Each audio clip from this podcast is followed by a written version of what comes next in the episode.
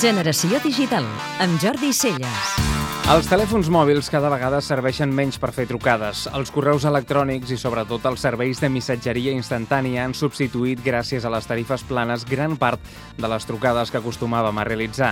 WhatsApp és segurament l'aplicació que més responsabilitat té en aquest canvi d'hàbits, però la segueixen per mèrits i importància el BlackBerry Messenger, el Gtalk, l'iMessage o molts d'altres. És en aquest punt quan una vegada celebrat el Requiem pels antics SMS, les grans companyies de telecomunicacions estan treballant a contrarrellotge per no quedar fora dels beneficis que porten els missatges instantanis a través del mòbil. Espanya serà el primer estat europeu on es posarà en marxa el sistema RCSE, Rich Communication Suite Enabled. Les operadores Movistar, Vodafone i Orange han presentat conjuntament aquest nou sistema que permet, entre d'altres, establir un xat amb una persona o amb un grup de persones de forma instantània a través dels nostres telèfons mòbils. En aquest sistema es podran enviar arxius d'imatge, de so i de vídeo, i fins i tot es podrà compartir vídeo de forma simultània, tal com si es tractés d'una videotrucada. Amb un sistema similar al que ha popularitzat WhatsApp, els usuaris no hauran de saber quins contactes de la seva agenda disposen del servei, sinó que el sistema els seleccionarà directament de la llista de contactes. És evident que ningú vol quedar fora del negoci que han deixat buit els espectaculars ingressos que generaven els SMS. De totes maneres, els dubtes de la capacitat de reacció ràpida de les grans companyies estan més que fonamentats. De fet, aquest sistema RCS es va presentar l'any 2009 i no ha estat fins entrat el 2012 que les grans companyies han arribat a acords per poder compartir el sistema. Tampoc està clar, quasi 3 anys després, quan hi haurà terminals al mercat realment preparats per gestionar aquest nou sistema de comunicació. A més, en un mercat que es mou tan ràpid com el de les aplicacions relacionades amb la comunicació, el posicionament és molt important.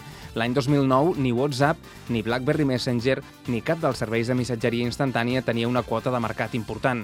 Avui, aconseguir que els usuaris canviïn de servei serà difícil a no ser que hi hagi un problema important.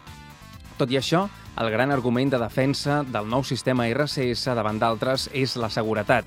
En teoria, aquest és un sistema segur i fiable perquè té el control de les companyies que gestionen la comunicació.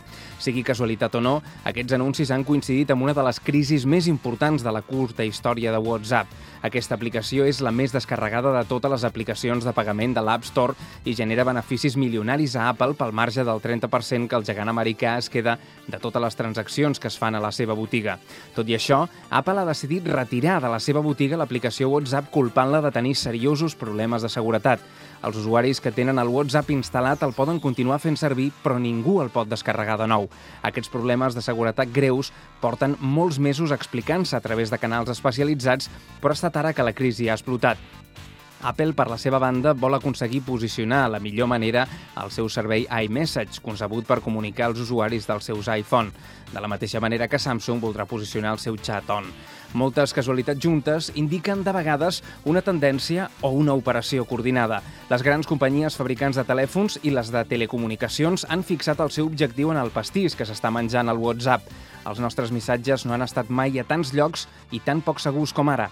Com diu la dita, val més tenir cura i ser amos dels nostres silencis abans que ser esclaus dels nostres missatges de text. Podeu escoltar Generació Digital cada dissabte de 4 a 6 de la tarda a Catalunya Ràdio.